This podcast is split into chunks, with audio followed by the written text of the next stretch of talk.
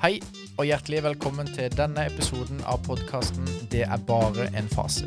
For mer info, sjekk ut mknu.no faser. Velkommen til et hyggelig, kaotisk og fint hjørne av podkastuniverset, nemlig 'Det er bare en fase'-podden. Jeg heter Hanna Træn, og jeg jobber som barne- og familiepastor i Randesund misjonskirke. Og ved min side har jeg Helene Mersland Gundersen, arrangementskonsulent i Misjonskirken Ung.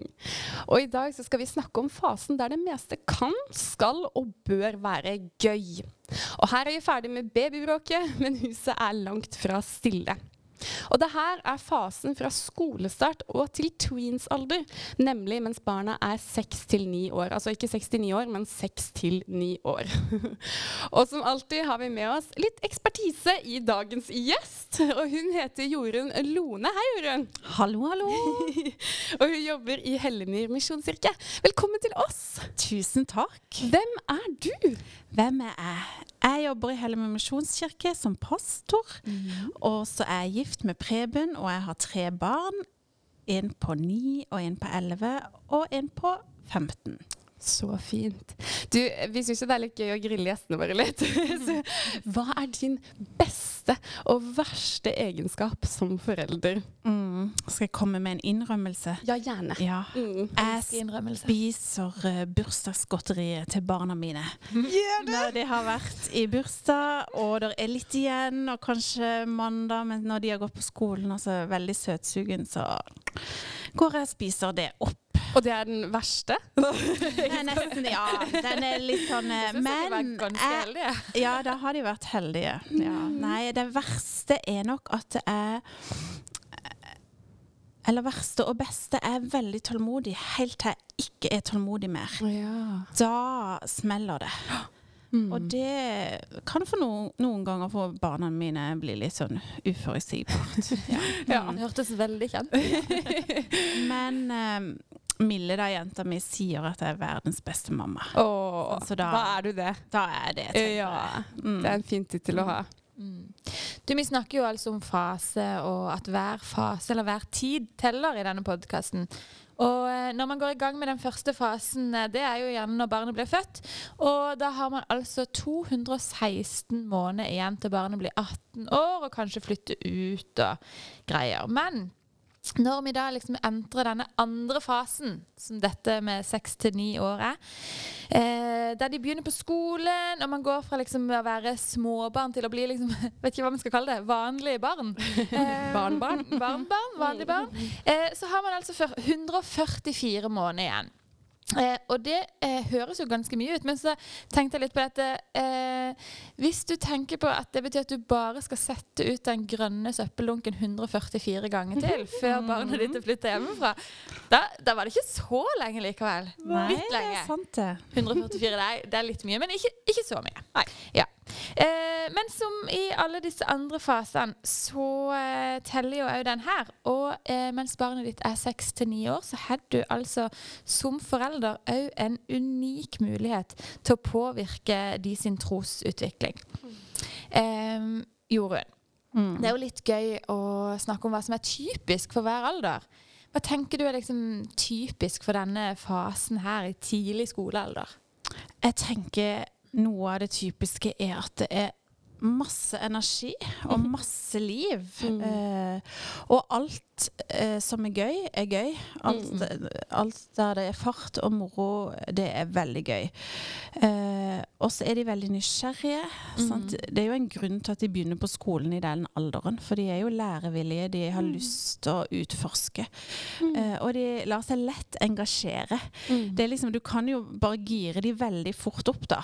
Eh, og det, ja, så, og det er gøy. Mm. Det er gøy. Ja, det er gøy. gøy. Og krevende. Ja, og krevende. Og pratsomme. ja. Jeg har iallfall hatt ei jente som har vært superpratsom, som snakker på mm. inn- og utpust hele mm. tida. Og der du liksom bare tar deg sjøl i og sier ja, mm, mm, og egentlig ikke hører helt etter. Så bra! For alle, alle sant, Det er jo typisk at alle detaljer kommer mm. helt sånn uten filter Mm. Alt de mm. tenker på. Mm. Um, og de sier jo mye gøy og mye morsomt. Det gjør det. Veldig mye gøy. Og så tenker jeg at humor er litt sånn litt utfordrende i denne tida. Mm. Eller det med at de er på en måte litt sånn for store for denne tidsbæsj og promp. Eller? Noen i hvert Kanskje ikke alle. Kanskje ikke første klasse. Og så er de der litt allikevel. Ja, litt. Litt allikevel det, ja. enda. For det, det er liksom en overgang da fra Ja. barnehage. Mm. Så er de ikke helt store nok til å takle den ironien heller. Nei, det er Så det kan være litt vanskelig for dem. Eh, Ja. Men jeg har en veldig nydelig historie da fra ei som går i første klasse, mm. som kom hjem til sin farmor og sa Du, farmor, før så var det sånn at mennene bestemte i familiene. Men nå er det damene. Og nå har mannen blitt mer bare en sånn assistent. Så de, og det er ei jente i første klasse, og de går og undrer seg over liksom sånne Ja, Sånne det er nydelig. Ja. Mm. Og så er det jo em, det her behovet da for nære venner er jo litt interessant også. Mm. For plutselig så har man den derre Man begynner å snakke om bestevenner. Og det merker jeg veldig i min barnekirke, søndagsskole, i kirka vår. At det er veldig sånn ja, men 'Jeg vil være med min bestevenn', for vi er bestevenner. Og så kan man ha mange bestevenner, men eh, er, de har veldig behov for å knytte seg til noen. på en måte. Det er trygt, og det er godt. Og det er jo interessant. Mm. Og det har kanskje noe med at uh, i barnehagen hadde de veldig mye voksenkontakt, Ja. mye tettere, mens uh, når de begynner på skolen, så blir vennene viktigere. De har én lærer på 25, Ja. så, så de, de har behov for bekreftelse Mm. Fra venner på en annen måte enn de har hatt før. Mm. Og disse, disse typiske trekkene de kommer jo fram ikke bare på skolen, nei, ikke bare hjemme, men òg på skolen. Mm. Og eh, jeg har jobba som lærer faktisk både i første og fjerde klasse, som er på en måte begynnelsen og slutten på denne fasen. Eh, og det som kanskje var aller eh, jeg kjenner aller mest igjen fra første klasse, det er det du sier med å snakke på inn- og utpust. Eh, for det var ikke Det, det gjaldt veldig, veldig mange. I hvert fall i den første klassen der jeg var lærer. Mm. Og så eh, syns jeg jo det som du sier, Hanna, det med, med behovet for nære venner, at det, det øker litt med alderen òg. At de har jo alltid behov for nære venner, men, men etter hvert og vet i hvert fall vi jobber veldig mye med det temaet i fjerde klasse. Mm. Det med venner og vennskap, og være, det å være liksom trygg på sin egen rolle i et vennskap òg. Og at eh, selv om, selv om man har flere venner, så betyr ikke det at man slutter, man slutter å være venner selv om man er venner med andre. Um, og det må liksom lande litt i det, da. Mm. Eh, og jeg tenker at det, disse tingene her, det, det kan jo være litt utfordrende for dem. Mm. Mange av de på måte, typiske trekkene som òg fører til litt utfordringer, da. Mm. Um, Det er jo en veldig overgang, da, som jeg sa tidligere, fra, fra, fra barnehage til skole. Eh, Mm. sant? Barnehage bare lek. Jeg har sjøl jobba i barnehage, og, og der det liksom Du fokuserer på lek, og ut ifra det er du sammen med barna. Og så kommer de på skolen, og så skal de lære, og så skal de i Mm. tillegg eh, etablere vennskap som er gode. Eh, og så kommer de hjem, og så sa hun det, og så gjorde Ja. han det. Så, altså det, det er veldig utfordrende for de følelsesmessig. Ja. Og det er jo eh, og det er så mye nytt, som du sier også. Og i denne fasen så er det typisk at barnet tenker som en forsker. ikke sant? Alt skal utforskes, og det er gøy å gå i skogen. ikke sant? Og så plutselig blir verden mye større når de begynner på skolen. Og så får de fritidsaktiviteter, begynner på det. ikke sant? Det er, mm, eh, og det kan jo være superutfordrende. Og så skal man hjem til noen etter skolen, og det er nytt. ikke sant? Så det er jo som du sier, Helene, at de her tingene som er typisk, blir fort veldig utfordrende også. mm. Og da er det viktig at uh, vi som foreldre møter det på en god måte. Mm. Men er det andre utfordringer de kan ha da, i denne fasen? Ja, altså, jeg tenker at jeg tror de møter sånn sosiale medier allerede her. Kanskje ikke noe Ja. som seksåringer, men, men i hvert fall på en måte før de blir tweens, så tror jeg nok de har vært innom det. Ja, altså Jeg hadde en, en eh, i, eh, på søndagsskolen som var seks år, som kom og sa 'Jeg har TikTok. Jeg har 700 følgere'. Ja, det er veldig Det begynner jo veldig tidlig. Ja, det bare ser jeg fra han som jeg har på 15, og Ja. hun da som er 9. Mm. Og, og, det, og liksom når de får mobil bare sånn Før så var det gjerne liksom sånn tiårsgrense på det. Ja, for nå får Eller er sånn mobil nå, egentlig? Nei, det er jo gjerne fra første, andre klasse. Ja. Vel, og det er veldig forskjell, det der. Mm. Som foreldre og som hjem så har vi jo ø, ulike regler. Mm. Uh, og det merker en, og så kommer de hjem. Alle har Mm. sånn og sånn. Og så begynner du å spørre har alle TikTok, da. Og så, Mm. nei, så er det kanskje et par stykker Ja. eller tre, og så blir det flere og flere. Men uh, Så det som foreldre å holde igjen da, Mm. å bremse, det er ikke så lett. Å vite at det faktisk er aldersgrenser av en grunn. Ja, det er det av en grunn. Og så har nok eh, barna behov for å være innafor. De har behov for å, å liksom De sammenligner seg lett. Han har ny sykkel, jeg har en gammel Ja. sykkel, vi skal på sykkeltur. Eh, veldig eh, sammenligner seg. Og, Det kommer så tidlig. det kommer veldig tidlig.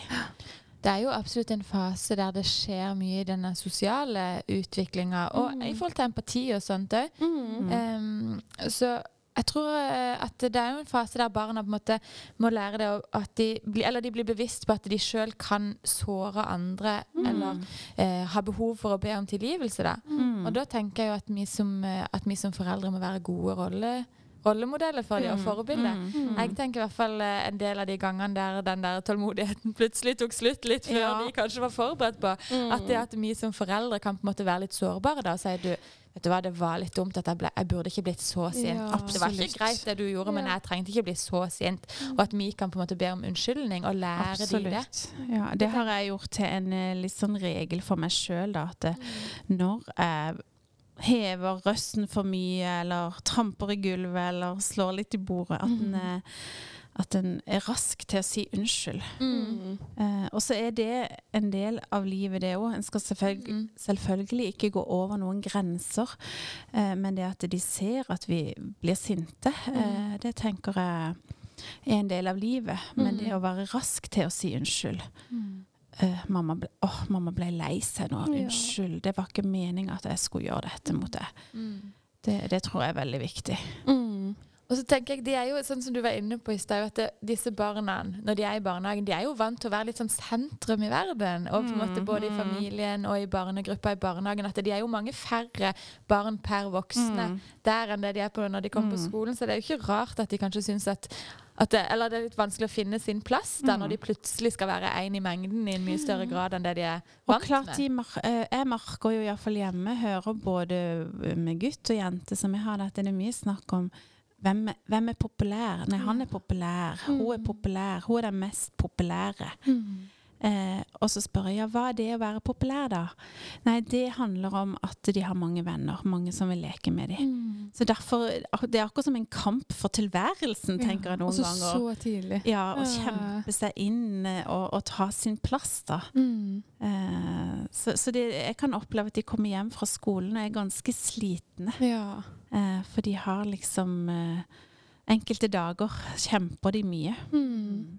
Og det er noe med de her utfordringene som må møtes også oss foreldre. Og vi var inne på det eh, i stad at det er veldig typisk disse barna blir lett engasjert. Og det ordet 'engasjert' er liksom nøkkelord i denne fasen, for det er det de trenger av oss foreldre også, at vi engasjerer oss. Men Jorunn, du Ja. har jo hatt barn i tidlig skolealder i ganske mange år nå. og det her med å engasjere seg, det kan jo gå litt sånn i hodet på en, ikke sant? Og det er, er det meningen at man som på en måte skal være voksenleder på fotballen og alle fritidsaktiviteter og sitte i FAU og liksom være søndagsskolelærer? Altså hvor mye må jeg engasjere meg? Hva tenker du om det her? Ja, for jeg kjenner jo at en, jeg ble jo helt svett og får høye skuldre når du ramser Et opp. skummelt ord, liksom. Ja. Eh, og, og her òg tror jeg vi som foreldre må senke kravene litt. Det er jo litt prestasjon og litt sånn eh, bra å være en engasjert forelder. Når jeg er trener på fotballen, og så sitter jeg i FAU. Altså liksom, det, det høres liksom så bra ut. Er det litt prestisje i det også? ja, kanskje litt prestisje kan det være. Så det tror jeg vi må våge å snakke høyt om, da. Mm.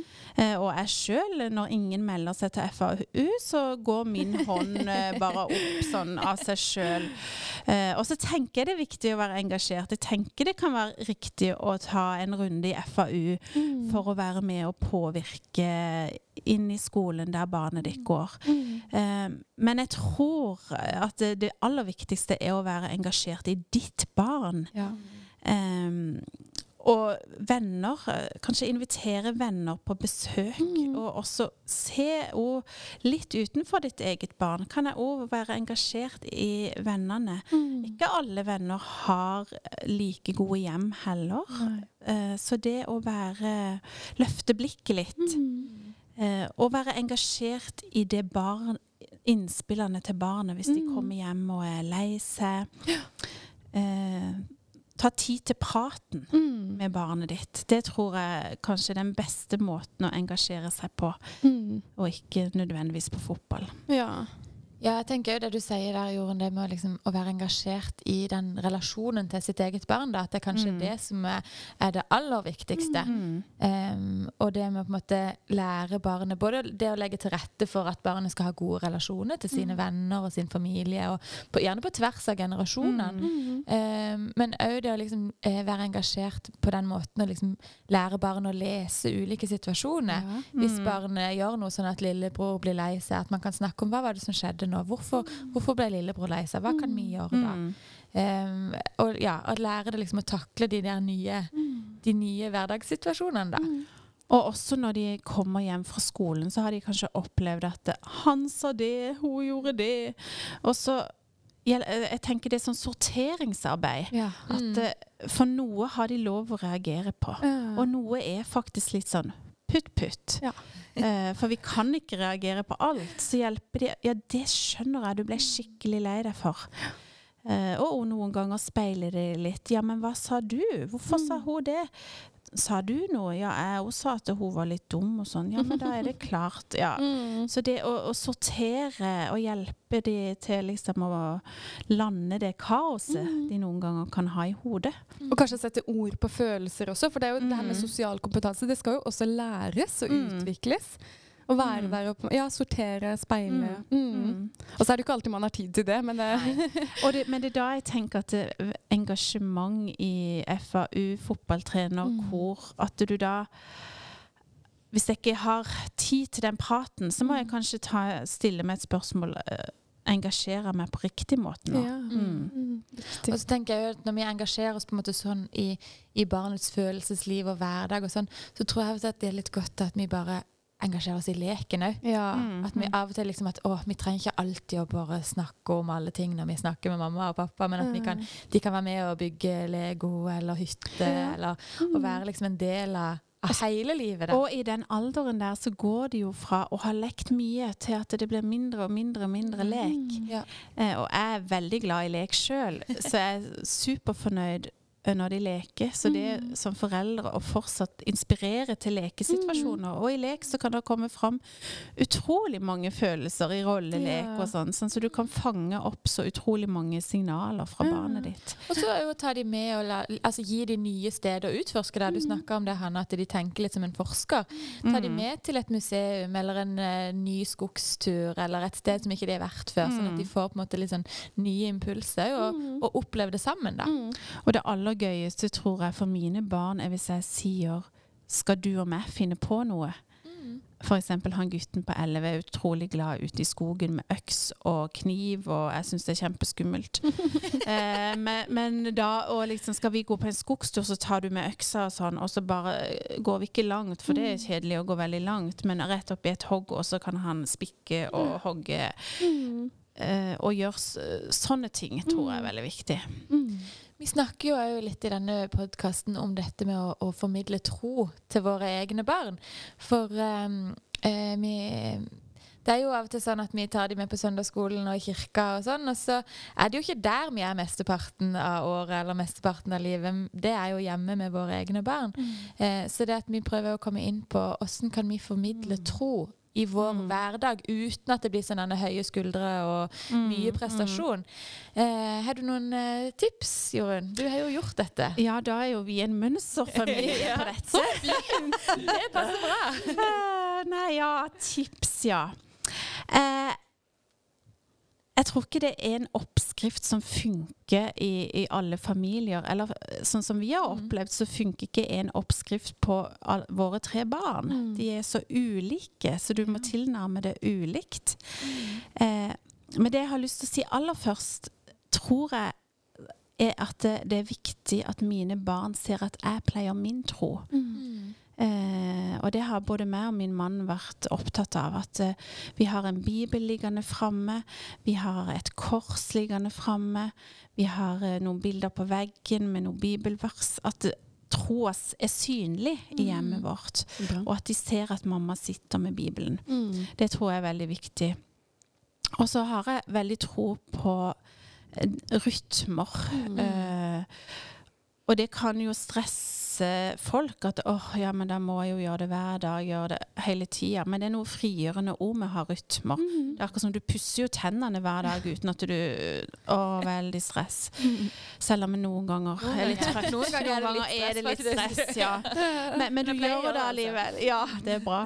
Eh, så, så for oss, de rytmene vi har, det er jo at vi alltid synger for maten. Så enkelt som det. Og det er det jo mange som gjør fra før, som kanskje ikke tenker at det er en del av rytmen. Ja, men, og noen ganger glemmer vi det, så vi synger gjerne midt inni, for vi har glemt det. Og da er det gjerne barna 'Å, vi glemte å synge for maten.' OK, og sånn, så er vi så sultne at vi har spist halve middagen før vi Og så uh, har nok for oss da vært dette med kveldsbønn. Ja. uh, lese Litt ulikt. Noen ganger lese noe, noen ganger bare be, Mm. synge. Uh, men at det er blitt en fast uh, rutine. Mm. Og så ser vi at d- altså når vi er to foreldre hjemme, så ser jeg at eh, Preben når, når mer inn til f.eks. han ene gutten vår. Preben er din mann. Det er Preben er min mann. Mm. Ja. Så, så, mens jeg kanskje når bedre inn til jenta. Ja. Så da, da utnytter vi det, da. Mm. At, eh, at det som er naturlig for barna. Mm.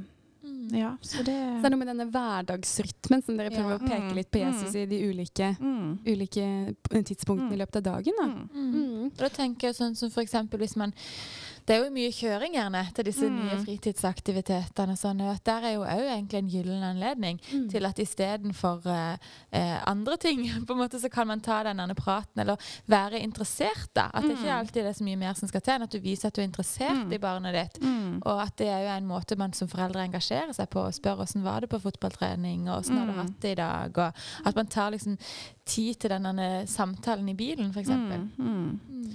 Mm. Og så tror jeg òg at en kan eh, det å omfavne høytidene. Mm. Og livet. Eh, sånn eh, Nå mista de sin bestefar i vinter. Mm. Og det å da kunne snakke om død og himmel i dette, eh, det har jeg veldig tro på. Mm. Eh, Nå har vi jo vært inne på det med rytme. Eh, og så er det jo et par andre ting vi pleier å trekke fram. Dette med relasjoner og gode grunner for å tro. mm. Og det med de gode grunnene for å tro, det tenker jeg jo gjerne kommer i disse samtalene, Mm. eller på Mm. søndagsskolen, eller at man kan jo De begynner jo å bli litt sånn nysgjerrige og interessert. At man kan kom, begynne å komme inn på liksom temaet på hvorfor, hvorfor tror vi på det vi tror på. Mm, og mm. eh, er det egentlig Og det som du, du har vært inne på, Jorunn, det med å liksom ikke nødvendigvis bare komme med et svar, men på en måte kunne undre seg sammen med barna. da. Mm, mm. Eh, Jeg, jeg tror det er, er veldig viktig at, at de får lov å, å stille spørsmål. Mm. Og òg at vi kan romme tvilen. Mm. Eh, de begynner jo òg på skolen å lære om andre religioner. Ja, men hvorfor er, er bare Jesus riktig? Ja, ikke sant? Ja. Naturfag. Ja, Mm. så, så, så de, en ny verden åpner seg for dem. Mm. Så det å, å romme tvilen og romme spørsmålene Jeg har nok lett for å tenke at jeg må forsvare alt. Jeg må liksom Mm. eh, Jesus, Du må tro på Jesus, har, har en lyst til å si. Sant? Men det å bare Ja, du lurer på det. Ja, men det kan vi prøve å finne ut av sammen. Altså, ja. Det er noe med den forskerbiten Ja. der også som må Mm. omfavnes. Og så tror vi jo at det vi tror på, er er liksom en tro som, som virkelig kan få sette seg. Og da Ja. tror jeg at, at Jeg ønsker at det, det ikke skal være min tro påført mine barn, men at det skal bli de sin tro. Mm. Og da må en gi rom for, for de spørsmålene Mm. eh, og den tvilen som Mm. også kan komme, og som også kommer hos oss. Mm. Så det, det er jo ikke så annerledes enn oss, egentlig. nei. Det er noe med å bruke, bruke de Men de er jo veldig søte, da, for de kan undre seg på, på sånne rare ting. Eh, jeg hadde i, I kirka så hadde jeg undervisning om eh, Lasarus. Mm. Og vi hadde hatt lek, og pappa eh, pakka de inn i dopapir, og vi hadde og jeg fortalte veldig Og så kom Lasarus ut av grava og sa 'løs han', sa Jesus. Og så tok de og løste av. Og så var det ei jente som rakk opp hånda. 'Du, jeg bare lurer på, hadde han tøyner?' ja, hadde han tøyner? Ja. Selvfølgelig tenkte hun på det. Tenkte på det. Var nagen. det er Ja. Så de har jo sånne Ja, det er veldig gøy, da. Hvis du får tak i hva de undrer seg over. For det er absolutt helt annerledes enn det vi undrer oss over. Absolutt. Og det er noe å stoppe opp og være i Mm. det. Ta de Mm. på alvor og svare på Mm. spørsmålene deres også. Og det er nydelig. Eh, jo, eh, Jorunn, jeg lurer på en ting. Er det noe man på en måte ikke burde gjøre i en sånn her trosformidlingsgreie? Ja, da tenker jeg litt det vi har snakka om, da. Det der Ja. å øh, Altså det motsatte av å undre seg er jo at vi på en måte påtvinger de noe. Men at vi, at vi, vi gir rom for den undringa og ikke kommer med veldig absolutter og, og, ja, slår de i hodet med vår tro. Og så tenker jeg òg eh, Fordi barn er så forskjellige, og det ser vi hjemme hos oss, at noen bare elsker å gå på søndagsskole, elsker å gå på gudstjeneste. Mens eh, noen av de andre barna syns liksom åh, nei, det har jeg ikke så veldig lyst til. Og Oda gir rom for at eh, ja, du har ikke så lyst til det. Det er greit, du kan være hjemme i dag. Ja, for det er sikkert mange som syns det er vanskelig. For det er jo viktig også å møte opp i menigheten og ha den rytmen også. Så fellesskapet Ja. er utrolig viktig, eh, både for meg som voksen og for barna. Men, men jeg tenker den der balansegangen, da. Eh, kjenne ditt barn. Hva er riktig for mitt barn? For det kan jo se litt sånn Og der òg er jo kanskje vi kristne litt opptatt av at vi skal jo fasade. Mine barn kommer fint pynta på gudstjenesten på søndag, og, og alle barna har jeg fått med meg. Eh, men det kan være at for ett barn så kunne det være bedre å gå i skauen den dagen og gjøre noe annet. Kanskje med en av de voksne. Kanskje det var det det barnet trengte. Så, så være litt sånn eh, romslig på det. Uten at vi får panikk i forhold til at 'å, de mister troa'. Ja, det tror jeg er viktig. Mm. Være romslig.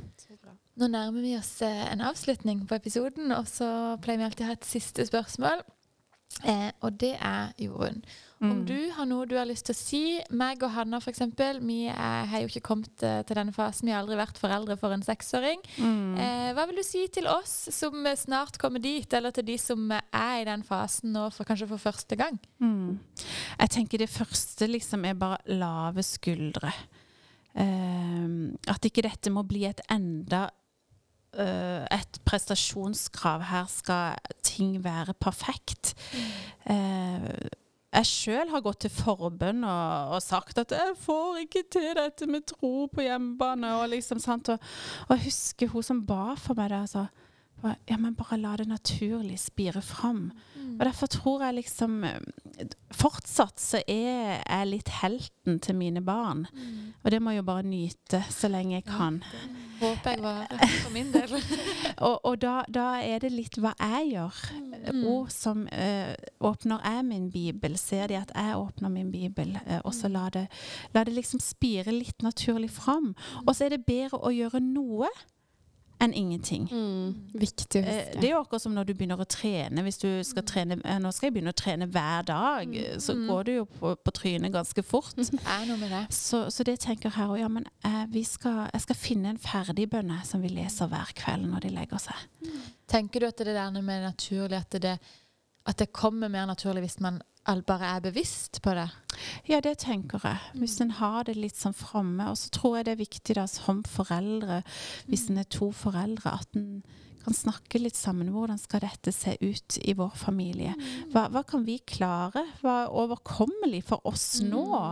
Kanskje du har et barn i den alderen, og så har du småbarn, eller Ja. du har ungdom. og så så skal du tilpasse tre ulike faser. sant? Og mitt, ja, det ble, kan bli mye. Så jeg tenker at eh, det å finne noen enkle rytmeslag som, eh, som en kjenner at det kan jeg faktisk klare. Det er overkommelig.